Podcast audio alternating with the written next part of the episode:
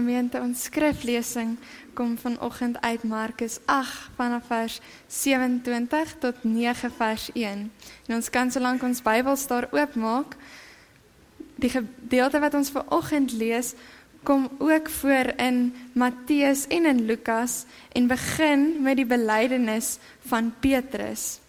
Nou een van die redes hoekom ons nou juist dit vanoggend uit Markus lees, is omdat van die slim mense meen dat Markus die oudste evangelie, die heel eerste evangelie is wat geskryf is oor die lewe van Jesus. En baie geleerdes sê ook dat Matteus en Lukas hulle basiese inligting oor die evangelie vanaf Markus gekry het.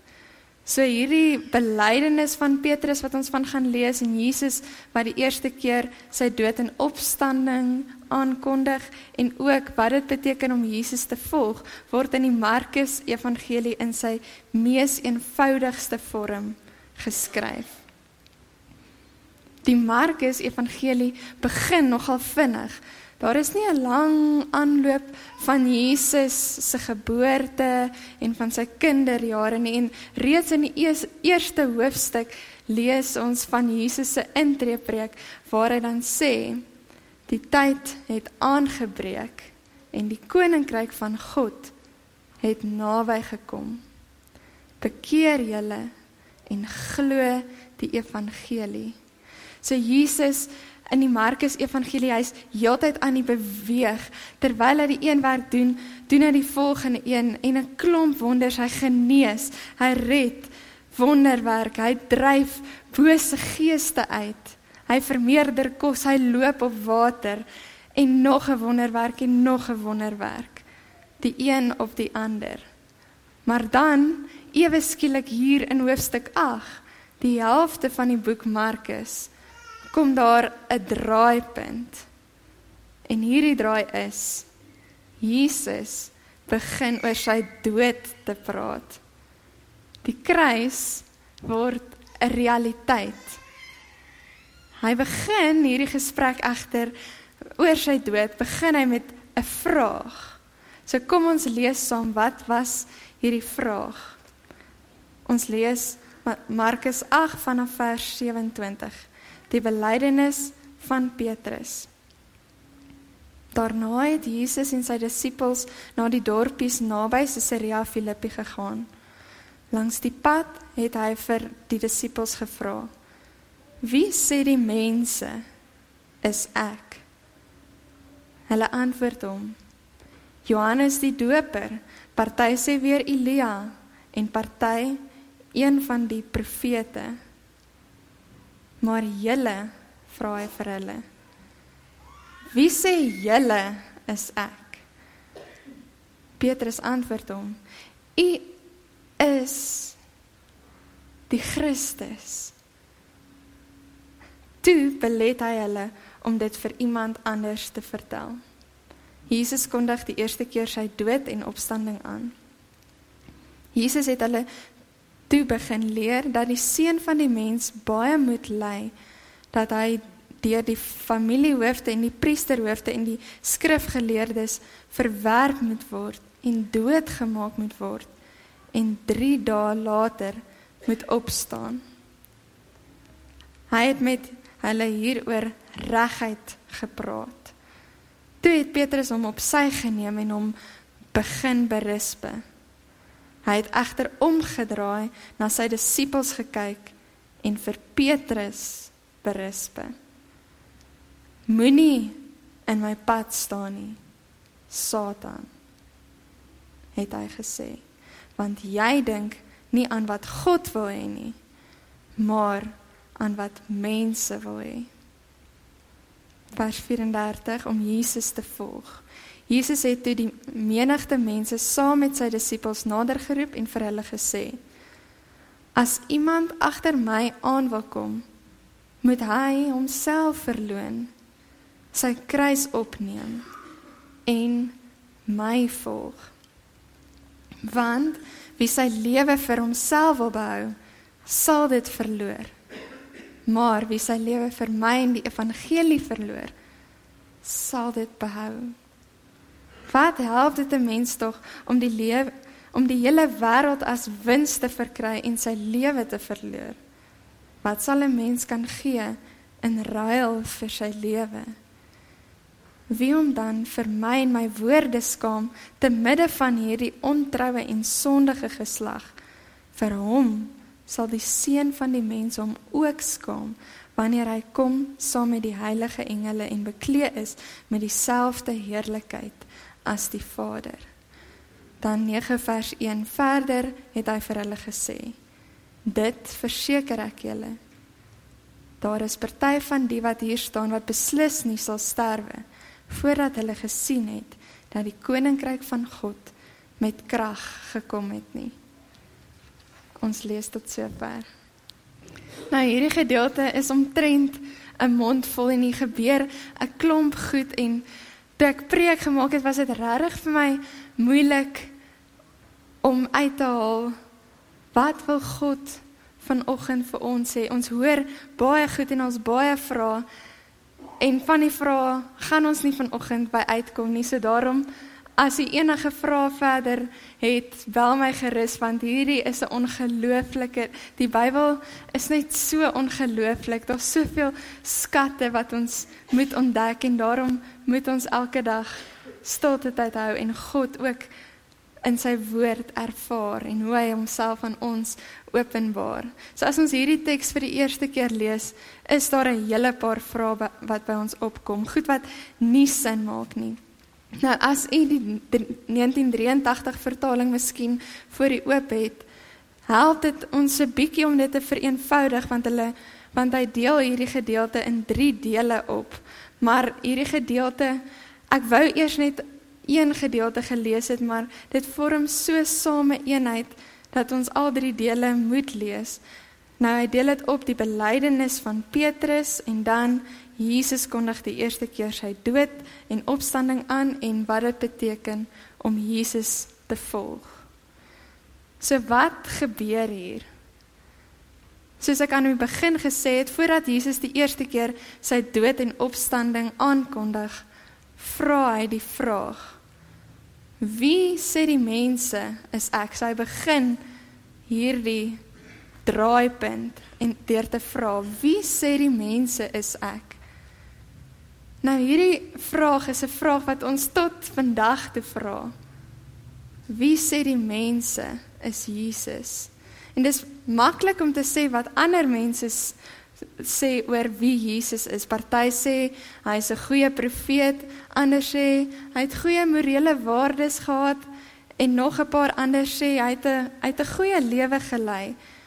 Hy was 'n goeie leermeester en het ons het vir ons kom wys hoe om ons lewe te leef. Wie sê die wêreld is Jesus? Nou die Christelike geloof is meer as net wat ander mense sê van wie Jesus is. Daarom dan die opvolgvraag wat Jesus vra. Maar julle wie sê julle is ek? So ewe skielik raak dit persoonlik. Om hierdie gedeelte te verstaan, wil ek hê ons moet onsself vir 'n oomblik in Petrus se skoene plaas. Dink jouself in maar julle moedergemeente Harry Smit wie sê julle is ek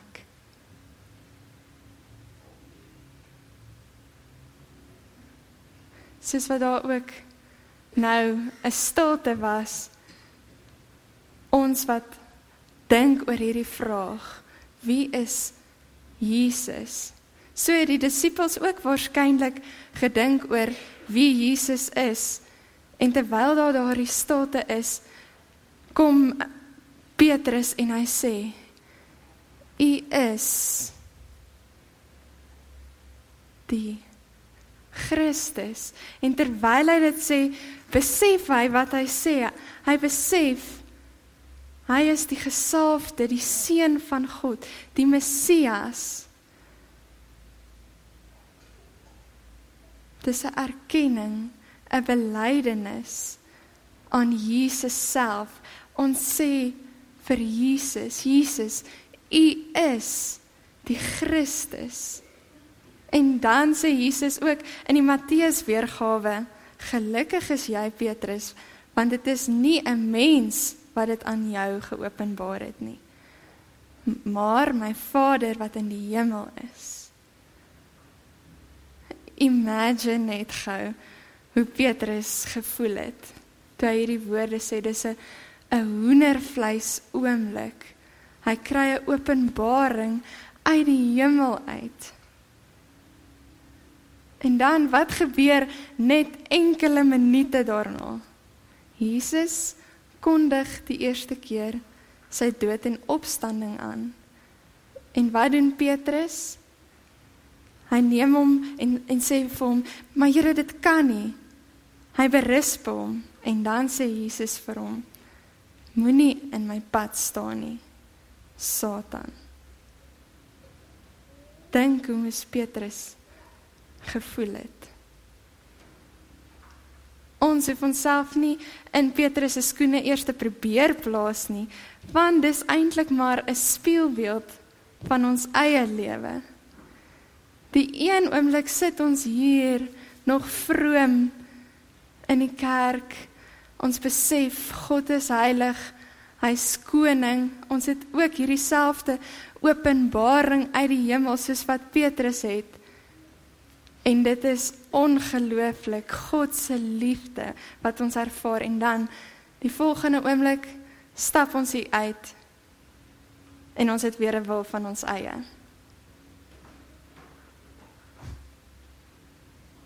Is dit nie hoe ons is nie? Een oomblik kry ons die openbaring van God. Die volgende oomblik word ons vergelyk met Satan.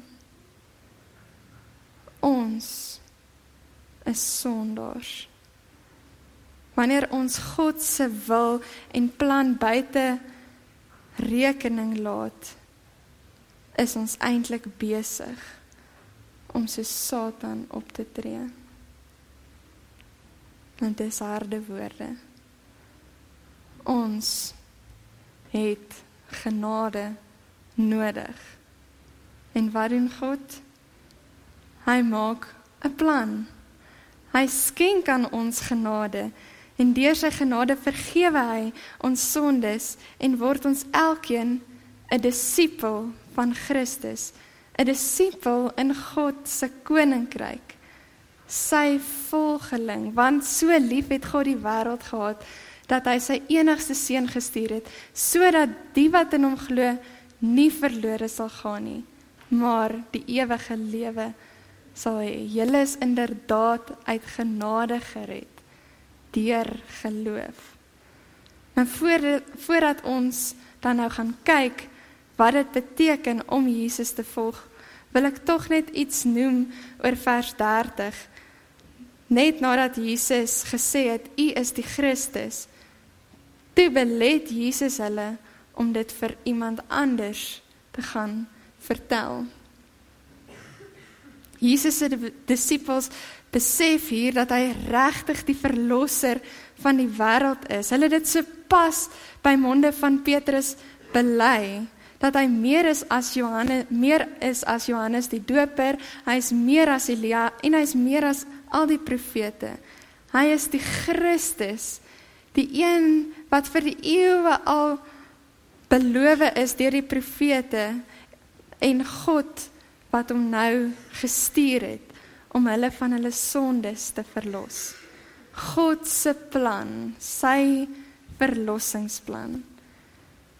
En omdat hulle nou al so ver gekom het dat hulle hom as die Christus erken, lei die Here lei die Here hulle dan nou ook verder op hierdie verlossingsplan van hom. Maar voordat hy sê wat dit beteken om hom te volg, belet hy hulle eers in vers 30 en sê hulle mag dit vir niemand gaan vertel nie. Nou dit klink vir ons vreemd. Hoekom mag hulle dit nie gaan vertel nie? Nou daar is 'n paar redes hoekom Jesus dit dalk kon sê en een van dit is dalk omdat nie hulle of enige iemand anders al die volle betekenis van daardie woorde begryp het nie. Petrus bely nou wel dat Jesus die Messias, die gesalfde, die seun van God is. Maar hy het ook maar verwag dat die Messias 'n seëvierende koning sou wees, 'n militêre bevelvoerder, 'n verlosser wat hulle uit hierdie mag van die Romeinse owerhede sou bevry. Hulle het nog nie verstaan watter soort Messias Jesus was nie. Hulle moes nog eers leer om Jesus te verstaan en leer wat hulle taak as disippels werklik was voordat hulle daarvan kon begin praat en getuig. So Jesus sê moenie nou al vir die mense sê dat ek die Christus is nie, want julle het nog net die helfte van die storie. Kom ek vertel vir julle wat nog gaan gebeur. En dan vertel hy nou vir hulle wat nog gaan gebeur. God se verlossingsplan, so begin hy hulle dan nou reguit leer. Hy praat reguit met hulle, bepaal dat ek moet lei dat die georganiseerde kerk my gaan verwerp dat ek doodgemaak gaan word en dat ek na 3 dae uit die dood gaan opstaan. So God se plan behels verlossing deur die dood van die verlosser. Eintlik sou ons vir die disippels wou sê maar julle moes tog geweet het dat hierdie Messias gaan ly en sterf en julle dan die Bybel, die Ou Testament van daai tyd, het julle dan gehad en hoeveel keer in die Ou Testament word daar voorspel byvoorbeeld in Jesaja staan daar dat die dienaar van die Here wat ter wille van ons sondes en oortredings deurboor en verbrysel sou word. So reeds in die Ou Testament staan daar dat Jesus moet moes ly en doodgaan, maar tog begryp die disippels dit nog nie. Jesus se disippels wou nie hê dat hy moes ly en doodgemaak word nie. Hulle was sy vriende. So dis menslik dat hulle hom wou beskerm. Petrus het nie aan God se plan gedink nie, maar hy het aan sy eie emosies gedink. Hy kon nie sien dat Jesus moet ly nie en sterf nie. Christus moes vir hom hierdie koning wees, nie die dienaar wat ly nie. Petrus wou slegs deel hê aan die heerlikheid van disippelskap en het nog nie die volle betekenis van lyding, versoeking en vervolging wat disippelskap sou meebring verstaan nie. Deur sy belydenis beteken dit egter dat ons bereid sal wees om vir Christus te ly. Ons belydenis verg ook dat ons moet ly, bely. Ly. Liewe gemeente, disippels in God se koninkryk. Hoor bietjie wat God van ons vra as ons tot geloof in hom kom en hom bely en aanvaar as die Christus.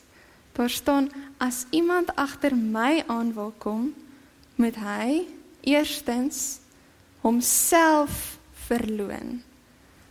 Sy kruis opneem en my volg.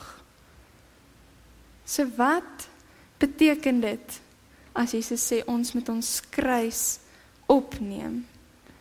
In daardie tyd was dit misdadigers wat gekruisig is. So wees gereed om soos 'n misdadiger behandel te word, teenstand te beleef, gespot te word omdat jy 'n Christen is, te ly en ook te sterf.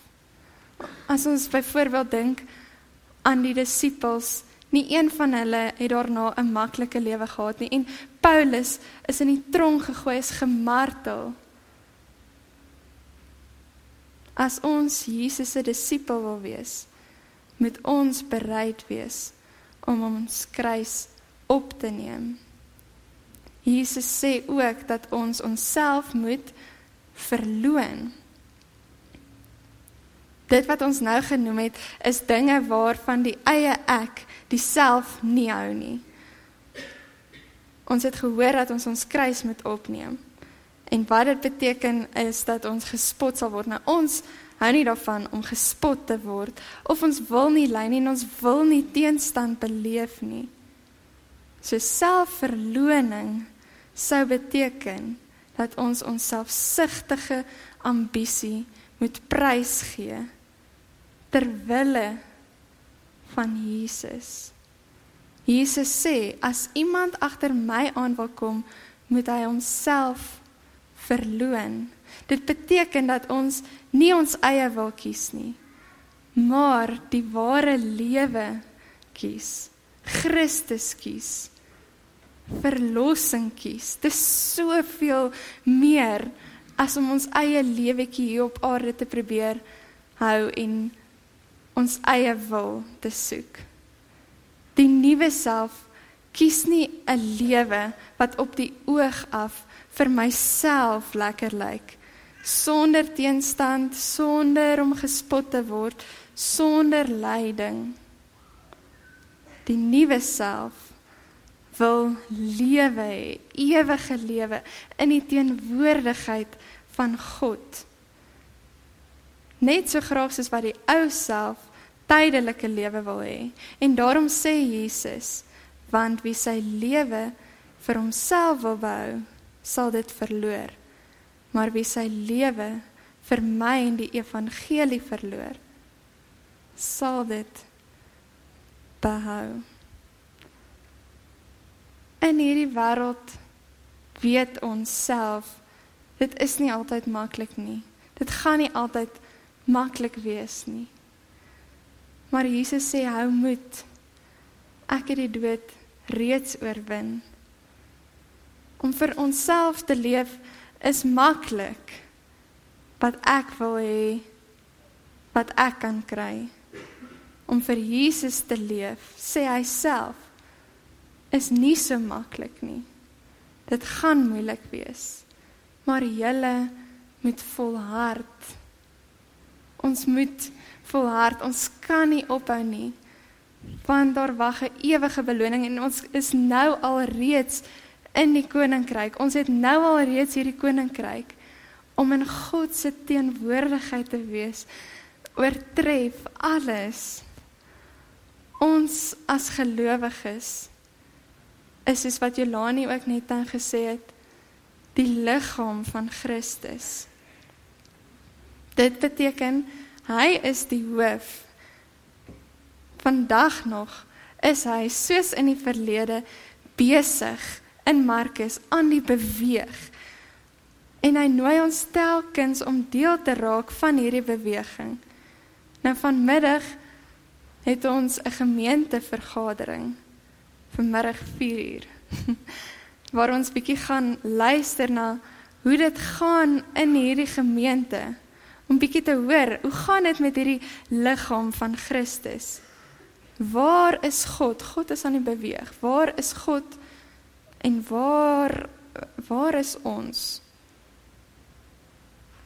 As God wat die hoof is van die liggaam aan die beweeg is, kan ons wat die liggaam is God is die hoof, hy's aan die beweeg. Ons die liggaam kan nie dan stil staan nie. 'n liggaam sonder 'n kop is tog nie 'n liggaam nie. Ons is verteenwoordigers, disippels in God se koninkryk. Ons elkeen is deel van die liggaam en daarom wil ek vra dat elkeen wat hier sit is deel van hierdie liggaam. So kom vanmiddag en kom neem deel aan hierdie gesprek. Ons wil hoor hoe elke liggaamsdeel God ervaar en luister wat wil God doen met hierdie NG gemeente, hierdie liggaam van hom. Nou Calvin het gesê dat kennis van God is gelyk aan kennis van jouself en kennis van jouself is gelyk aan kennis van God. Om Jesus te volg, moet ons hom ken om ook onsself te kan ken. So ons ken nie onsself werklik voordat ons God ken nie. Jesus los ons dan vanoggend met hierdie vraag: Jy, disipel in my koninkryk, wie sê jy is ek? Waar sien jy jouself vanoggend? Dink jy nog net dat Jesus miskien die verlosser is en jy en jou dalk sal vergewe vir al hierdie verskriklike goed wat jy gedoen het? Of is jy gereed om soos Petrus hardop aan die Here self te bely? Dit fisies te erken, Here, U is Christus. Dis iets wat ons daagliks behoort te doen om dit da, om dit te sê te bely aan God beteken dat ons sal volhard elke dag volhard in gebed volhard al is daar lyding al gebeur daar slegte goed met ons. Nou ten slotte wil ek net sê in hoofstuk 9 vers 1 wat ons gelees het verder het hy vir hulle gesê dit verseker ek julle daar is party van die wat hier staan wat beslis nie sal sterwe voordat hulle gesien het dat die koninkryk van God met krag gekom het nie nou hier is nou weer eens 'n klomp goed waar by ons nie nou gaan uitkom oor wat hierdie vers kon beteken een van die moontlikhede is dat dit verwys na die opstanding van Christus en die uitstorting van die Heilige Gees. Nou ons weet dat die koninkryk van God nou reeds hier is deurdat die Heilige Gees in ons woon. So hy gee ons die geloof, die moed en die krag om te volhard deur lyding heen. En daarom kan ons soos Petrus nadat hy in Handelinge 2 die Heilige Gees ontvang het, kan ons volhard bely in hierdie wêreld ingaan en hoor wat sê Petrus die hele wêreld moet nou vas en seker weet almal moet weet God het hierdie Jesus wat gekruisig is Christus en Here gemaak Daarom wil ek vra ons is disippels van die opgestane Here. Kom ons staan dan en bely dat Jesus die Christus en ons Here is. Kom ons doen belydenis van geloof. Ek glo in God die Vader, die almagtige, die skepper van die hemel en die aarde en in Jesus Christus, sy eniggebore seun, ons Here, wat ontvang is van die Heilige Gees, gebore is uit die maagd Maria, wat gelei het onder Pontius Pilatus, gekruisig is, gesterf het en begrawe is en ter helle neergedaal het wat op die derde dag weer opgestaan het uit die dode wat opgevaar het na die hemel en sit aan die regterhand van God, die almagtige Vader, van waar hy sal kom om te oordeel die wat nog lewe en die wat reeds gesterf het. Ek glo in die Heilige Gees. Ek glo aan 'n heilige algemene Christelike kerk, die gemeenskap van die heiliges, die vergifnis van sondes, die opstanding van die vlees en 'n ewige lewe. Amen. Kom ons sit. Kom ons sluit net die oë. Here ons God, ons Vader. Jesus, U is die Here. U is aan die beweeg in die wêreld en U nooi ons elke keer uit om deel te raak van hierdie beweging. Here help ons om te volhard. Volhard in gebed, volhard in die geloof ten spyte van dinge wat verkeerd gaan. Here ons weet dat U het reeds vir ons die prys betaal. U het gelei, U het gesterf. Maar U het ook die dood oorwin. Die graf is leeg. Jesus leef. En daarom het ons ook die ewige lewe. Heilige Gees, gee ons hierdie krag om te volhard. Om in liefde met almal te leef. Om U werklik te volg, om in U voetspore te loop.